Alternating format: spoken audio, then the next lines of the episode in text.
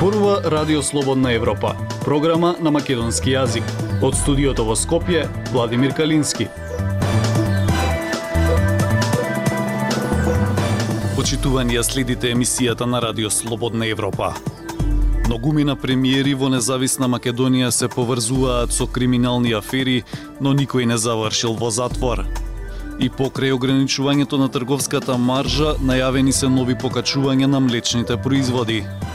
Поредокот каков што го знаеме, повеќе го нема, оцени шефот на европската дипломатија Жозеп Борел. Слушајте не. Независни вести и анализи за иднината на Македонија. На Радио Слободна Европа и слободнаевропа.мк.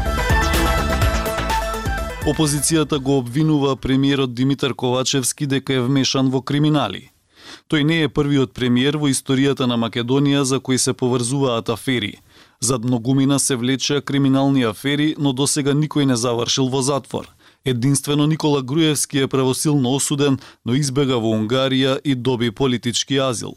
Прилог на Пелагија Стојанчова. Со неделе опозицијската партија обвинува за злоупотреби што ги сторил сегашниот премиер додека бил заменик министер за финансии. Според опозицијата, фирмата добивала државна помош додека Ковачевски бил заменик министер, а компанијата на неговиот кум добивала државни тендери за поставување соларни панели што ги правела фирмата на Ковачевски. Државната комисија за спречување на корупција соопшти дека нема основа да реагира зашто Ковачевски пред да стане заменик министер за финансии ги продал уделите во фирмата и не учествувал во управувачката структура. Дека тоа го сторил потврдува и самиот Ковачевски. Тој во владата дојде без избор, односно го наследи премиерското место од Зоран Заев кој се повлече од функцијата по поразот на локалните избори кои се одржаа лани во октомври. Пред да стане премиер, Заев беше градоначелник на Струмица, од каде што и потекнува, неговото пошироко семејство има бизнис за преработка на овоши и зеленчук, компании за градежништво и градежни материјали и трговски друштва, а откако тој стана премиер, влегува и во бизнис со марихуана. Опозицијата обвинуваше Заев дека предводи криминален картел кој се богати од марихуана. Заев потврди дека неговата фамилија преку братучедот Трајче Заев влегле во бизнис со марихуана. Заев во анкетниот лист наведе дека нема ништо на негово им, освен заем од 71.000 евра. Се е на име на родителите, сопругата и децата. Еден месец откако си заминава од функцијата, Неговиот син, матурант, влезе во бизнисот со струја во ек на енергетска криза. Освен синот, неодамна во бизнисот со струја влезе и таткото на Зоран Заев Панч, покажуваат податоците од Централен регистр. Управител на новата фирма за производство на струја е братот на Заев, Вице. Откако не е веќе премиер, Заев се пробува и во хуманитарните води. Заедно со брат му Вице, во јуни 2020 ја основа фондацијата Заеви едно општество за сите. Ако името на Заев и неговите братучеди се поврзува со марихуаната, името на неговиот предходник Никола Груевски неговите братучеди пак се поврзува со градежниот бизнис. Имаш обвинувања за местени тендери, пари на офшор сметки, купување на атрактивни парцели државно земјиште скоро за џабе, за кои додека владееше Груевски, само срамежливо се зборуваше, а ако некој новинар напишеше, добиваше пресуда за клевет и навред. Против Груевски пота беа отворени неколку судски предмети. Тој е осуден за плацеви на водно, за перење пари и против правно стекнување на имот, а предходно доби и пресуда за предметот Тенк, односно за спорната набавка на службен Мерцедес. Во бизнисите на поранишниот премиер, неизоставен дел беше неговиот братучет Сашо Мијалков, кој во времето на ВМРО ДПМН беше шеф на тајната полиција. Спогодбата на Мијалков со судот за случајот Империја на површина го извади долгиот список со имот. Тој за да се спогоди со судот мораше да се откаже од десетици станови, 5,5 милиони евра во кеш хартија од вредност акции, 26 локали во хотелски деловен простор, неизградено земјиште, гаражи, деловен простор. Слободна Европа. Следете на на Facebook, Twitter и YouTube. Високите трошоци за исхрана на животните резултира со покачена цена на откупеното млеко. Сточарите велат дека 1 килограм концентрат за исхрана сега чини колку 1 литар откупено млеко. Тоа пак резултира со повисоки цени на млечните производи. Најавени се и нови поскапувања и покрај ограничената трговска маржа известува Марија Митевска. Ако кравје кашкавал во октомври минатата година во маркетите можеше да се купи по цена од 299 денари за килограм, сега истиот кашкавал се продава по 577 денари или рече си двојно повеќе. Енергетската криза предизвика раст на цените меѓу другото и на млекото и млечните производи, а синџирот на поскапување започнува со цената на откупното млеко. Прилепчанецот Рубин Козмановски 25 години се бави со сточарство. На неговата фарма тој има 50 крави и произведува дневно од 700 до 750 литри млеко.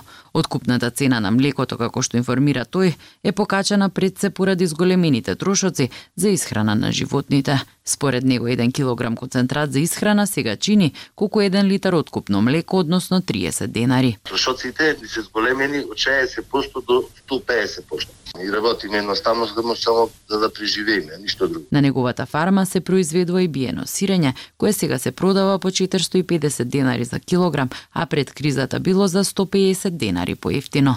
Владата за да ги спречи ценовните шокови го продолжи рокот на траење на мерката за ограничување на маржата на основните прехранбени производи до 31 декември. Висината на трговската маржа за трајно кравјо млеко е до 10 Марина Манева, која е собственичка на млекара, вели дека мерката за ограничување на маржата не дава голем резултат затоа што најголем причинител за поскапување на млекото и млечните производи е повисоката откупна цена на млекото, како и зголемените трошоци за струја и нафта ако не се воведат мерки за помош на сточарите и на сточарството со тоа да се стабилизира цената на откупното млеко, а, би се стабилизирала и цената на млечните производи. Но доколку не се случи тоа, така е предвидувано скапување и до 20% до крајот на 2022 година. Министерството за земјоделство, шумарство и водостопанство пред некој ден соопшти дека е реализирана исплатата кон млекопроизводителите за произведено и предадено крави, овчо и козио млеко за периодот на јуни јули минатата година.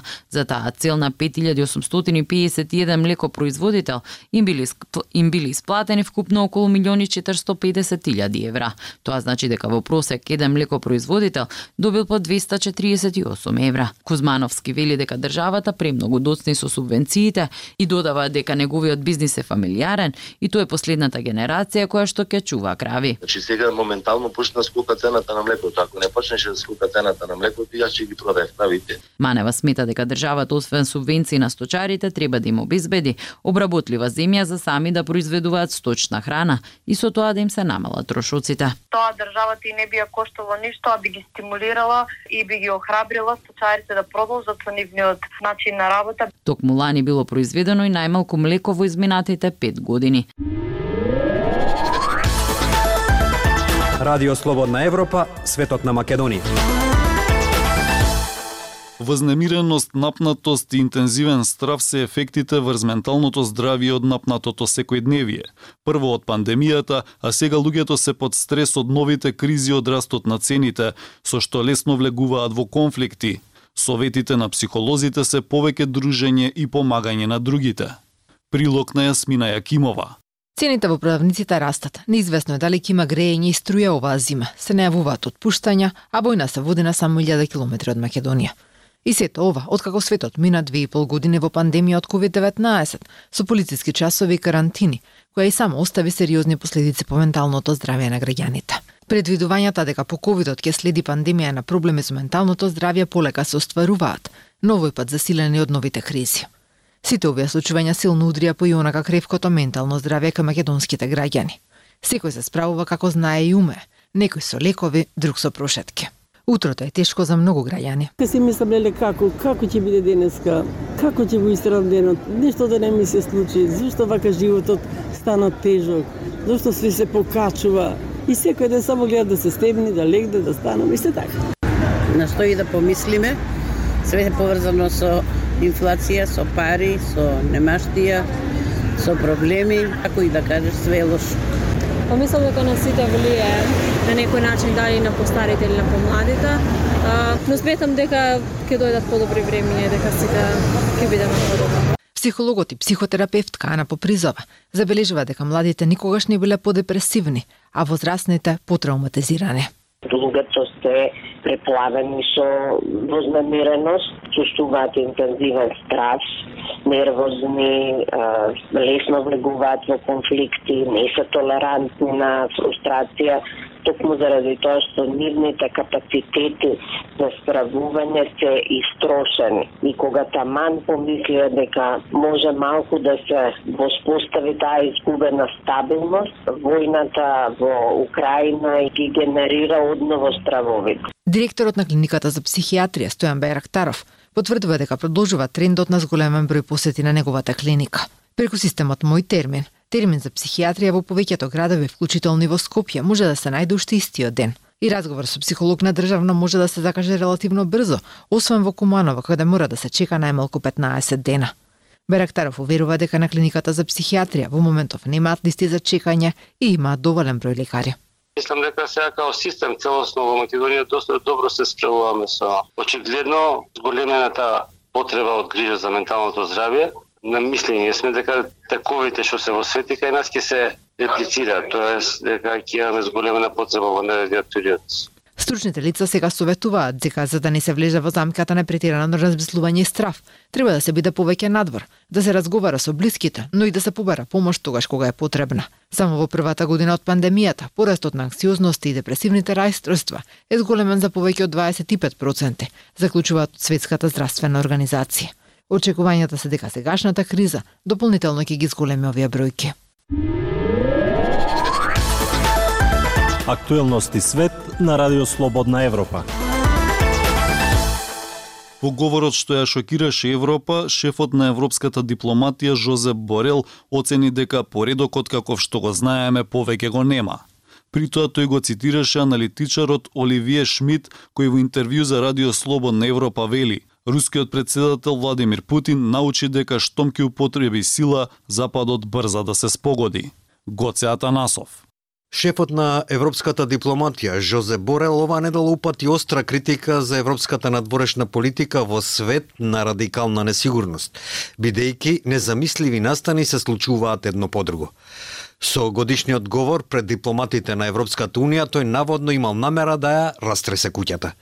Тој исто така експлицитно го пофали Оливија Шмидт, професор на Центарот за воени студии на Универзитетот во Јужна Данска, за идентификување на европската зависност од Русија и Кина за просперитетот и од Соединетите држави за безбедноста како дел од проблемот.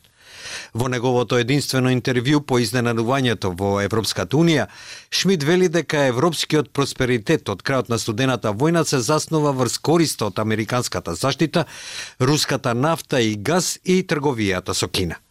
Ова е разлика од ерата на студената војна, кога Соединетите држави беа и обезбедувач на безбедност и главен трговски партнер за Западна Европа, додека изворите на енергија секогаш беа разновидни. Раздвојувањето на изворите на безбедност и изворите на просперитет и просперитетот зависен од актери со непријателски политички агенди придонесе за геополитичките ранливости на Европа. Според него, сето ова до одреден степен придонесе и за руската инвазија врз Украина. Путин научи од неговите интеракции со западните лидери дека штом ќе употреби сила, тие ќе брзаат за решение и дека е релативно лесно да се влијае врз поранешните креатори на политиката на високо ниво, како германските канцелари или француските премиери преку профитабилни позиции. Тој исто така сигурно веруваше дека зависноста од Европа, од руската нафта и газ, ќе ги наведе европските лидери да напуштат Украина и веројатно се уште верува дека тоа ќе се случи во одреден момент оваа зима. Вели Шмидт, кој сепак прецизира дека руската инвазија исто така има многу врска со незината неоимперијална идеологија. Верувам дека војната во Украина и постепеното признавање дека трговијата со Кина не е бенигна и има геополитички последици, може да го смени овој процес. Но тоа создаде длабоки деловни интереси кои ќе му се спротистават колку што можат. Според Шмидт, Унгарија е јасен случај на земја која се спротиставува на Европската Унија на идеолошки основи и прави компромиси со Русија и Кина, додека е повеќе од среќна што има корист од европските пари за финансирање на својот блиски систем. Почитувани слушатели, тоа е се што ви подготвивме во оваа емисија. Од студиото во Скопје ве поздравуваат Владимир Калински и Дејан Балаловски.